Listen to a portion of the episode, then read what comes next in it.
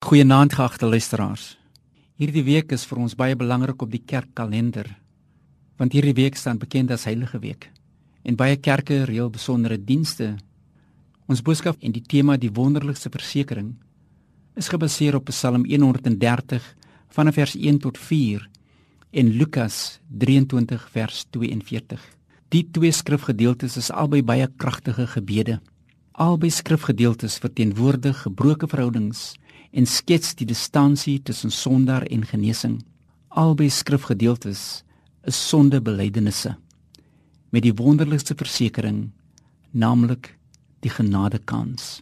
Die benoude bidder in Psalm 130 bid 'n aangrypende gebed. Hierdie kort gebed van 'n sondaar verwoord die vervreemding van die mens deur sy sonde.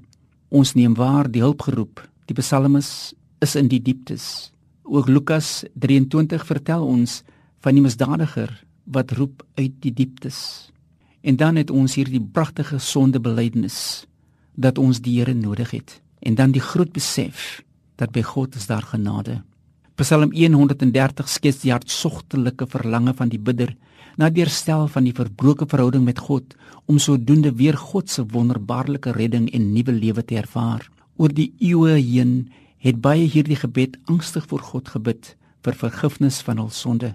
Dit is net die Here wat 'n belydende sondaar kan vergewe. Psalm 130 is vir my altyd die taal van hoop. Hoop vir die bidder wat uitgespreek word dat hulp van die Here sal kom, so seker is wat die môre op die nag volg. Iemand wat die Here vrees en hom dien, is iemand wat op hom kan wag vir die antwoord. Hoop vir psalmis, vergifnis van sy sonde. God kan ons van enige sonde vrymaak. God is goed. Ons sonde verwyder ons van God. Vergifnis trek ons baie nader na God. Die refleksie oor sy lewe, sy gebrokenheid, sy behoefte tot verandering, sy smag na nuwe lewe, bring die psalmis in Psalm 130 tot die diepe en oortuigende waarheid: net God kan herstel, net God kan heel, net God kan genees, net God kan die ou weer nuut maak. Die oortuigende waarheid is wat die bidder in Psalm 130 konfronteer. Sy hele menslike lewe is in die hande van die Meester en hierdie besef bring teweeg die keerpunt vir die bidder. Die waarheid van nuwe lewe en herstel was ook die innige besef van die misdadiger op die kruis.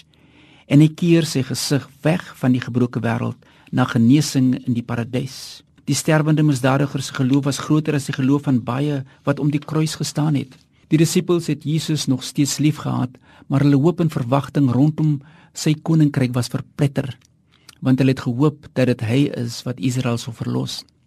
In teenstelling met hulle gebrekkige geloof en die van ander, het die misdadiger na die sterwende man langs hom gekyk en gesê: "Jesus, dink aan my wanneer u in u koninkryk kom." Die misdadiger wat bewus is van sy eie skuld en Jesus se onskuld, aanvaar dat Jesus se lot anders as sy eie sal wees en daarom beroep hy hom op genade. Ons staan verstom oor die geloof van hierdie man wat met diepe insig by die skande en vernedering van die oomblik verbykyk en die komende heerlikheid in Jesus Christus sien. Vir die misdadiger was die koninkryk geen grap nie. Sy gebed was persoonlik, 'n gebed in geloof. Hy vra nie vir baie nie.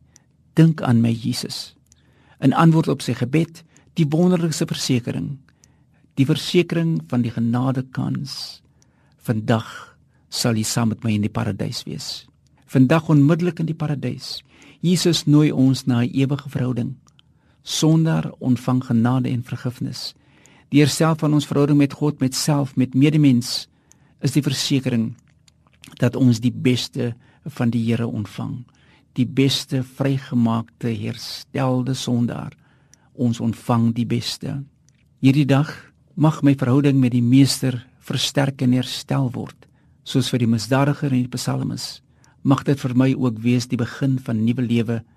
Mag dit ook vir my wees die strewe na 'n dieper waarheid. Kom ons bid saam. Dankie Here vandag vir hierdie geleentheid om ons week te begin en te weet Here dat U ons sal seën en dat ons genade uit U hand sal ontvang. Amen.